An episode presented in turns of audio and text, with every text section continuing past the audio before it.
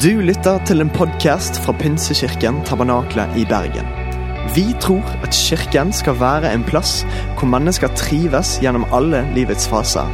En kirke for hele livet. Ønsker du å bli bedre kjent med oss eller holde deg oppdatert? Besøk vår Facebook-side eller ptb.no.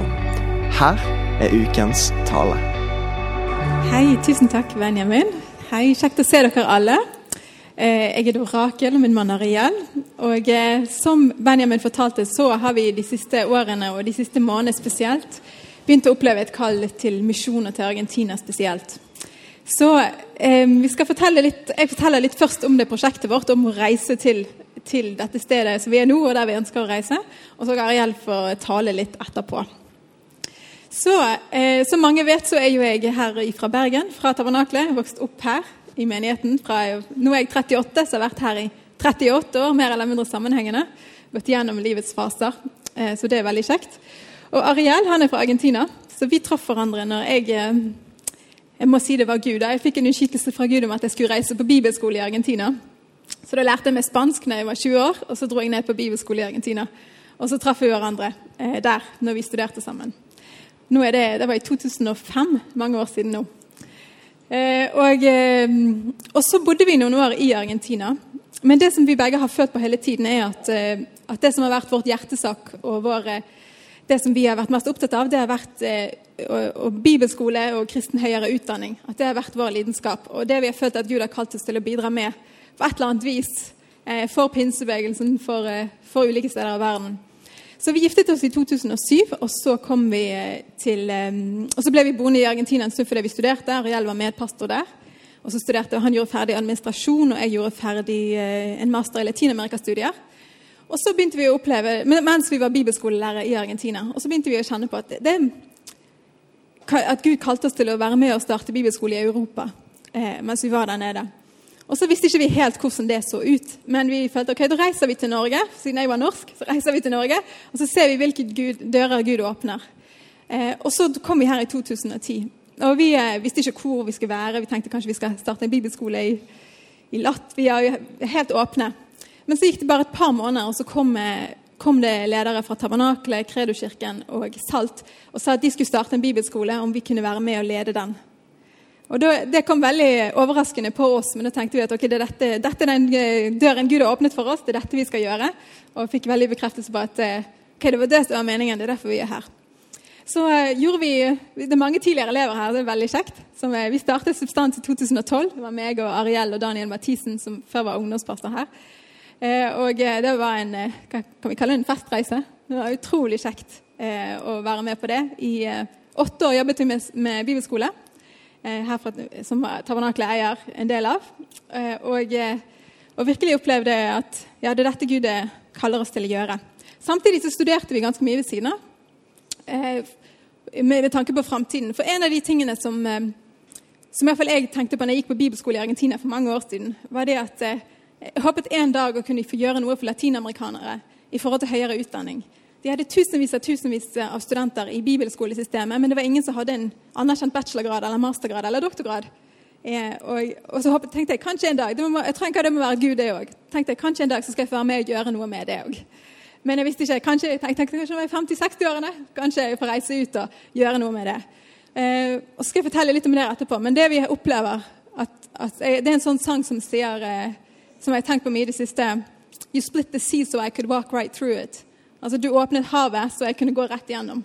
Og Det har vi følt så mange ganger i livet, og det føler vi igjen på nå. At Gud bare har åpnet havet. Så Det som vi tenkte var umulige prosjekter, det er bare alle dører er åpnet, så kan vi bare gå, gå igjennom. Så det håper jeg kan være med oppmuntring for dere hvis dere har drømmer som virker nesten urealistiske. At Gud plutselig kan åpne, åpne dørene. Så Hvis vi tar neste slide, så skal vi fortelle litt mer om prosjektet vårt. Ja, Her er vår familie. Vi har barnevakt i dag, men vi har to barn. Eh, Isabella som er syv, og Samuel som er to. Så Isabella går i andre klasse, og Samuel han er i barnehagen. Vi, eh, de vokser opp trespråklig, og det tenker vi er en veldig fin ting. Vi har norsk, og spansk og engelsk hjemme, så det håper, jeg tenker at det skal gå bra når vi reiser. Um, litt om Argentina, vi, og om hvordan vi har kommet fram til at vi skal dra dit. Argentina er et stort land. Mange har gått på substans her og har vært i Argentina, så det er jo veldig kjekt. Har vært der vi skal dra. 45 millioner mennesker der, mens, mens, nesten halvparten, eller veldig veldig mange, det blir kanskje en tredjedel, bor i byen Buenos Aires. 18 millioner mennesker bor i den byen, som er hovedstaden i Argentina. De snakker spansk. Eh, fantastisk land med, med masse ressurser, men, men, de har en del utfordringer.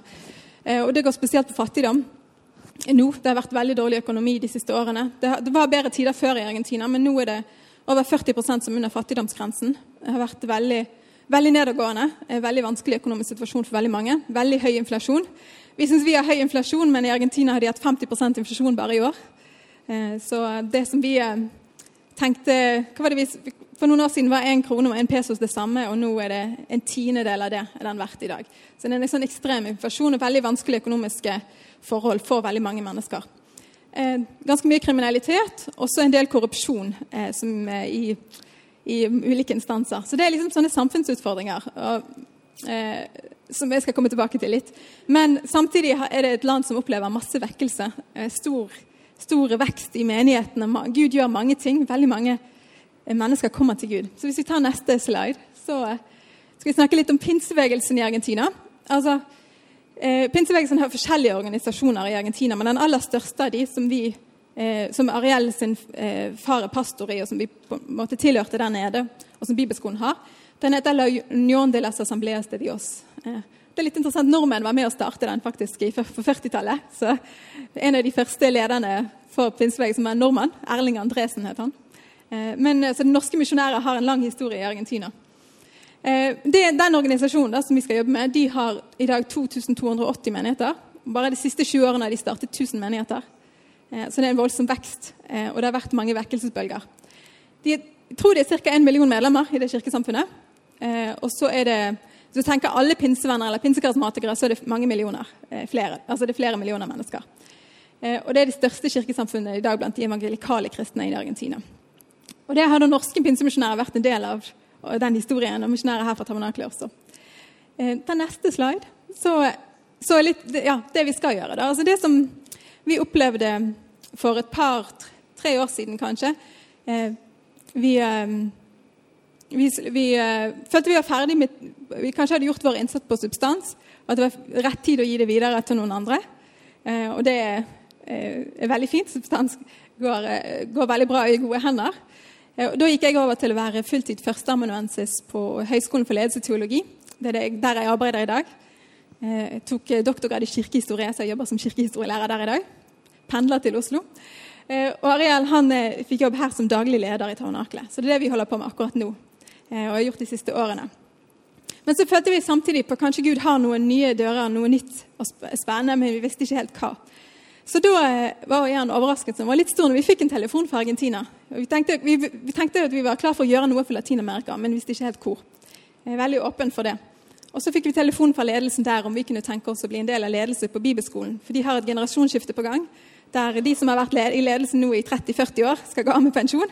Og de trenger nye hovedledere. Og Da spurte de om vi kunne være en del av det. Og det følte vi med en gang. Dette var vel et år siden. At ja, det, det traff oss. Det, det, tenkte vi at det er noe som vi ønsker å gjøre.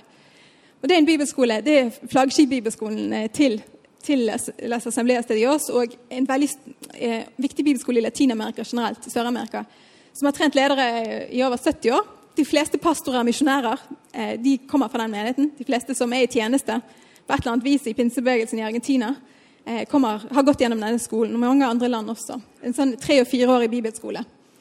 Ehm, og eh, ja, som sagt, her har mange av våre egne elever vært som substanselever. Og det er et, et fantastisk sted som, som, betyr veldig mye for mange. Og Der er det spesielt Ariella som vil gå inn i hovedledelsen der, og så skal vi begge undervise planen for den skolen. Ca. 1000 elever hvert år. Så det er mange tusen som har gått på denne skolen og fortsetter å gjøre det. Og mange nasjonaliteter. Jeg tror det var, var det 18 nasjonaliteter de hadde nå. kommer folk fra hele Latin-Amerika for å gå der. Eh, så neste slide skal jeg si litt mer om hm? Videoen. Å ja, videoen. Vi har, en, har dere den videoen? Vi har en liten videosnutt. Jeg kan vise den først, fra Bibelskolen, så dere får et lite inntrykk av hvordan den skolen er.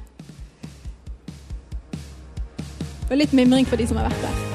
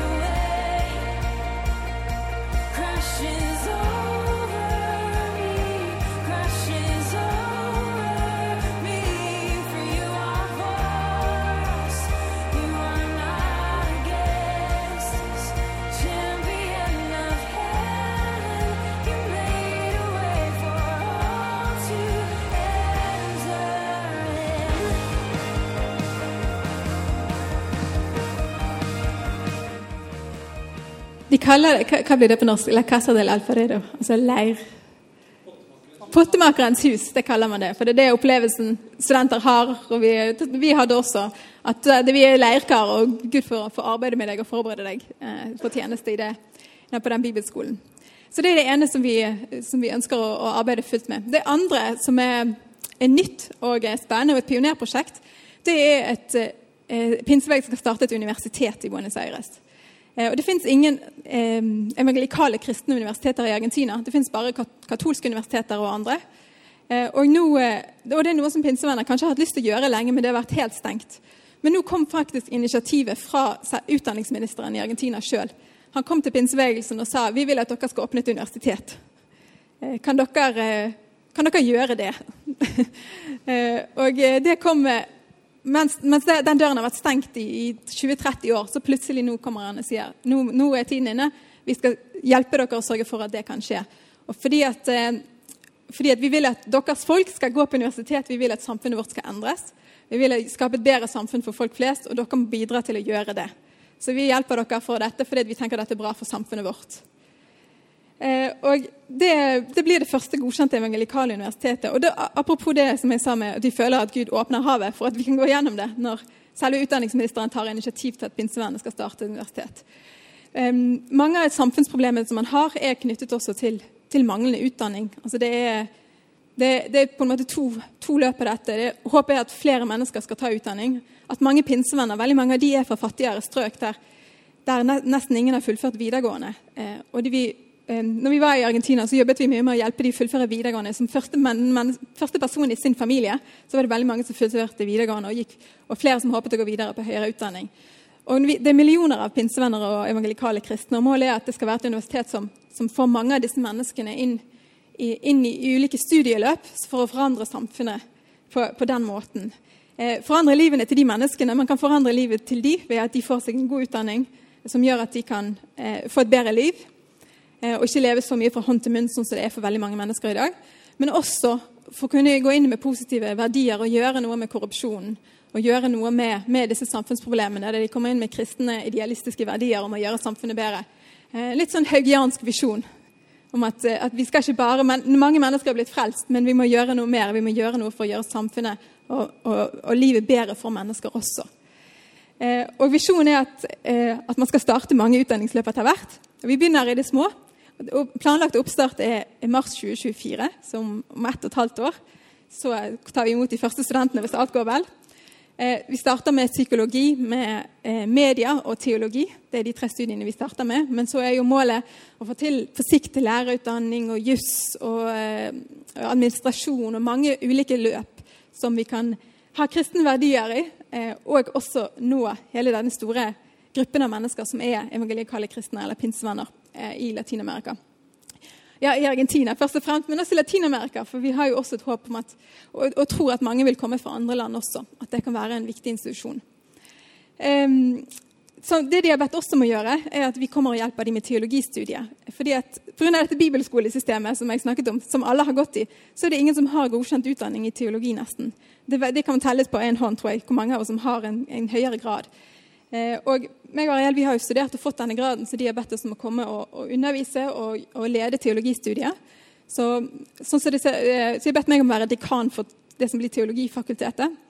Og det har jeg sagt ja til. Det er stort, stort ansvar, det føler jeg på. Men eh, det er litt sånn hvis ikke du gjør det altså, Jeg, må, føler litt sånn gudsfrykt kanskje i forhold til det at dette må vi gjøre, for det kan bety noe.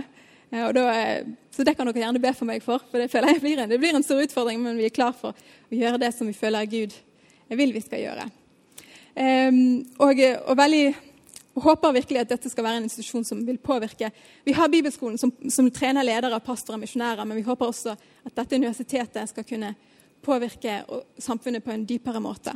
Så det er det vi drømmer om. Og grunnen til at vi har sagt eh, ja til forespørselen i Argentina om å reise, og jeg er veldig veldig takknemlig for at vi har en menighet som er opptatt av misjon og har vært er fra et land som er opptatt av misjon. Vi ser alle disse norske som har vært i Argentina opp igjennom, og hva det har betydd. Og så håper vi at vi kan være en liten, liten bit av det bildet. Eh, og så ser frem til det. Og så setter vi veldig for stor pris på forbønn. Eh, alle som har vært eh, misjonærer, eller som har vært, vet at det er mange ting vi skal ha med oss barna våre, eh, som er to og syv, og mange ting å tenke på. og bare ber om at alt skal gå bra. Og, eh, og jeg føler virkelig at, at, Gud har ledet oss til dette, og håper, håper det, skal, det skal kunne være en liten brikke i noe, et stort bilde av noe som betyr noe i Argentina og i Sør-Amerika. Nå er det igjen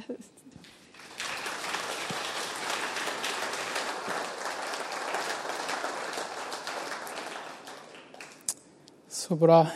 Det, det, er et privilegium for oss å kunne være her i dag og, og fortelle om, om, det vi opplever fra Gud.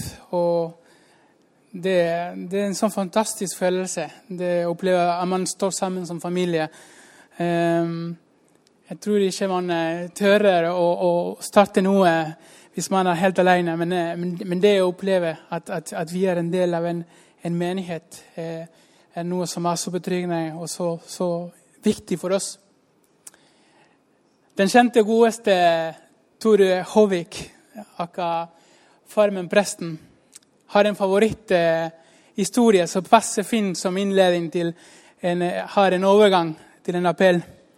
Og Jeg er faktisk stolt av å kunne sitere Tor. Han var vår elev på Substans, og jeg fikk gleden av å eh, være hans coach og, og, og, mentor det året på Substans. Og Det sies at eh, en mann så en gutt eh, på stranden som tidlig på morgenen holdt på å kaste inn til sjøen mange sjøstjerner. Jeg tok med et bilde der for å illustrere det. Men strandene var helt fullt av disse sjøstjernene. Og Da mannen så det, han lo litt og tenkte hva, hva, holder du på med? Det, det går ikke an. Det, det, er for mange. Eh, så gutten forklarte at det var viktig å få de stjernene til vannet, eller så dør de pga. solen. Men, men da sa mannen men, men du kommer aldri til å klare dette. Det er for mange. Det du gjør, har ikke noe betydning. Eh, det gjør ikke noe forskjell. Og da sa gutten til mannen ja, det, det er sant, men det betyr alt for den enkelte sjøstjerne. Og da sier Tor eh, ingen kan gjøre alt for alle, men alle kan gjøre en forskjell for noen. Vi vet at, vi kommer ikke til å, til å, forandre det argentinske samfunnet. Heller ikke flere land i, i Latin-Amerika. Eh, men vi er overbevist om at vi kan bety en forskjell for mange. Eh, Gud i sin nåde leder oss til å, å gå inn i, i, i roller som kan ha en eh, betydelig innflytelse eh, på Guds rike for fremgang. Eh, både innen, innenfor kirkevei, men også utenfor. Gjennom å utruste pastorer og ledere og misjonærer, men også psykologer, politikere, sosionomer og folk som skal på en eller annen måte bidra til et bedre samfunn. Så vi tenker ikke at vi skal nå reise til å eh, jobbe som lærer og som av to skoler, men visjonen er større. Vi tenker at vi skal eh, være med og utruste og trene og bidra for at eh, mange flere pastorer, misjonærer, evangelister, men også som sagt eh, sosionomer, politikere og lærere og mange andre skal kunne eh, ha kristne verdier, ha et møte med Gud, ha oppdag kallet og gå innenfor det. Så I første omgang som Rakel nevnte, så starter vi med teologi, psykologi og media. Men visjonen er stort, og man ønsker å kunne utdanne eh, politikere, lærere, sosionomer osv. Men vi som familie vi ønsker å, å være lydige mot Gud, og vi opplever at Gud leder oss til dette nye kapittelet. Eh, det er interessant det å oppleve Guds kall. Eh, kanskje du har også opplevd det. Det, det blir som en ubehag. ubehag. Du er det du er, du trives med det du gjør, men du, du har et eller annet, et eller annet lengsel i deg at Gud vekker et eller annet i deg. Og det har vi kjent nå de siste tre årene. Eh, og, og, Gud har vært, eh, vært, god mot oss og som Rakel fortalte, åpne dører og På den måten så bekrefter han den, den veien vi skal gå. Eh, og, og, vi tror at, at, det er Gud som, som, som driver misjonen. At Guds misjon drives av hele menigheten. Ikke bare vi som er utsendte. I dette tilfellet så er det vi som ønsker å reise her. Men det er en utstrakt arm fra, fra Bergen, eh, fra Norge, som, som når til eh, Sør-Amerika. Som de sier i, i, Argentina, så gjennomføres misjonsarbeid i et samarbeid mellom føttene som går, knærne som ber, og hendene som gir. Gud har i det siste minnet meg på et bibelvers som er kanskje kjent for, for noen av dere. Og den står i Jesaja, i kapittel 6, vers 8. Så står det Da hørte jeg Hørens røst. Han sa, Hvem skal jeg sende, og hvem vil gå for oss? Jeg sa, Jeg. Send meg. Det er interessant å lese denne fortellingen her, og det som kommer før Jesaja svarer på den måten. Det står at Jesaja hadde et møte med Gud.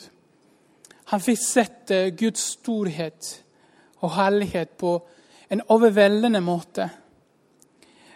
Det står at det ble så mye for han at han følte seg rett og slett eh, uverdig.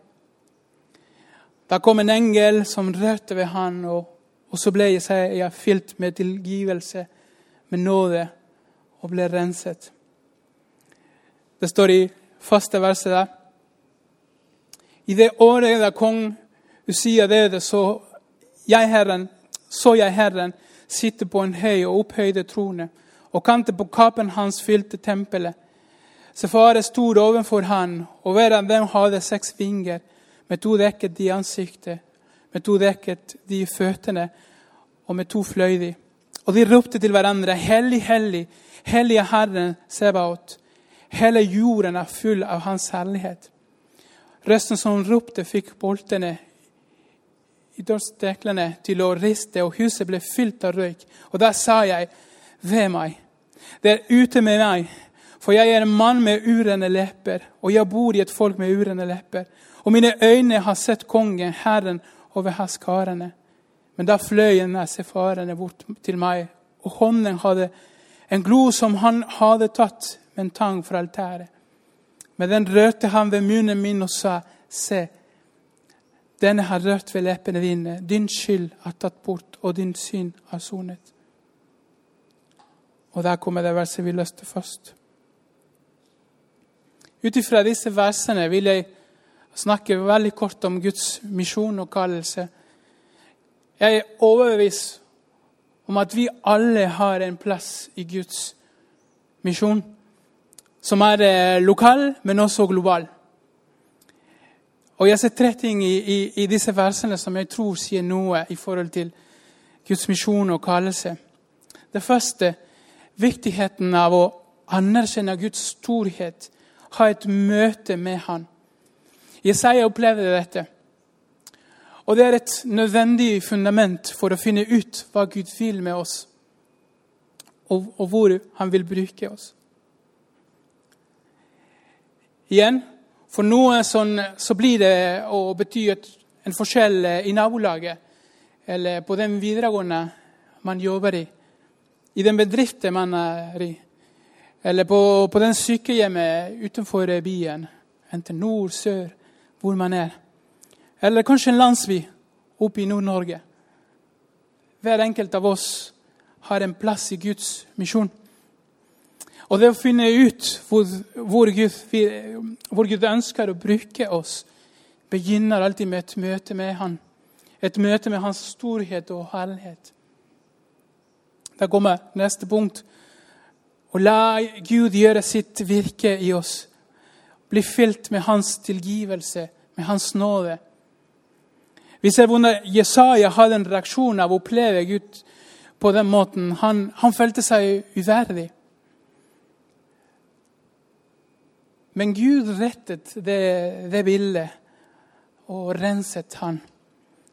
Gud viser Jesaja at det var mulig å starte på nytt og koble seg på hans misjon. Og Jeg tror vi alle trenger dette. Vi trenger at Gud renser oss, at han bygger på nytt. Det selvbildet som kanskje ble skadet.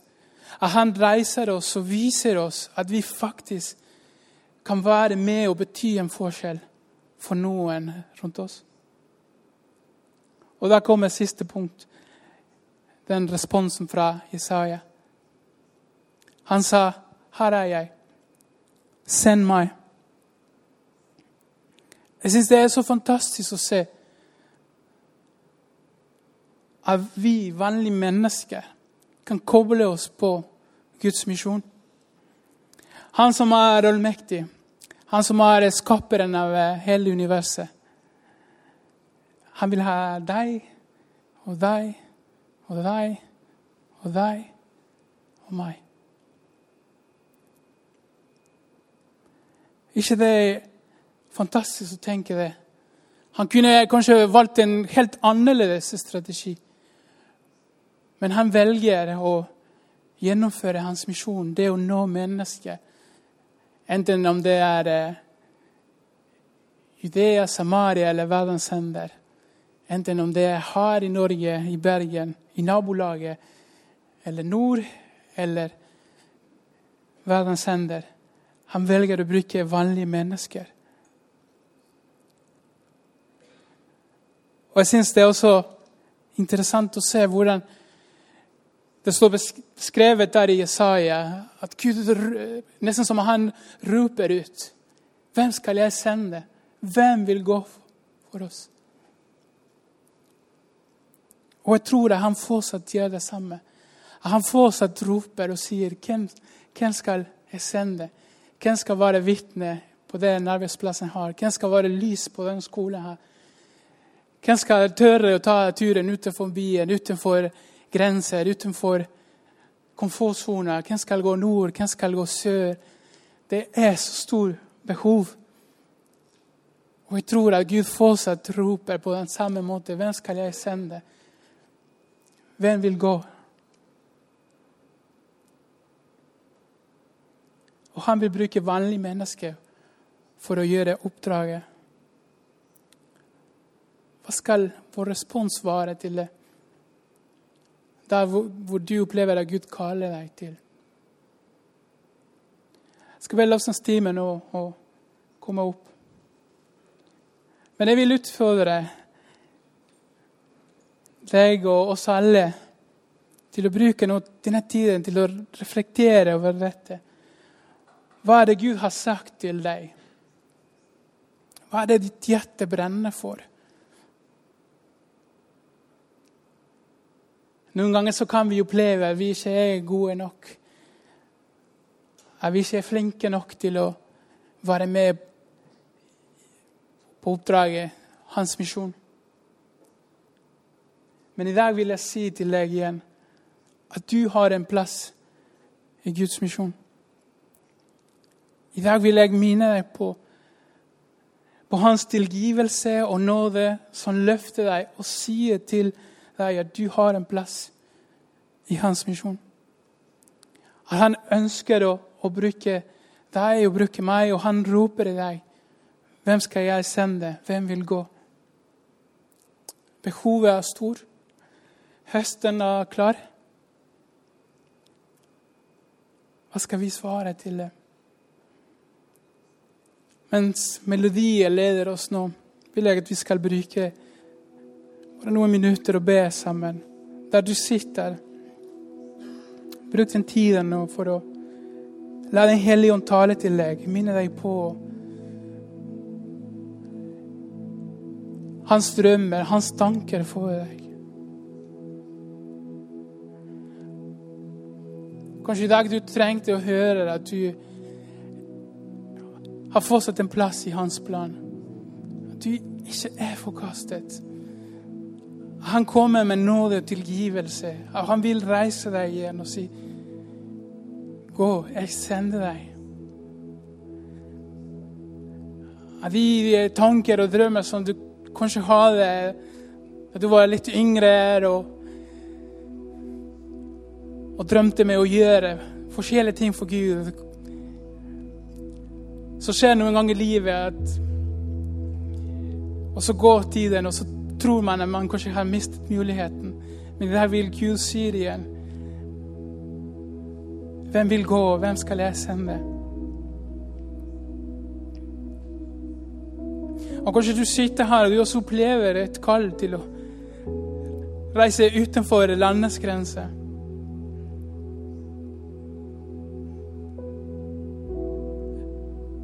Jeg håper at i dag kan det være en dag hvor det, det du kjenner på i ditt hjerte, kan bekreftes.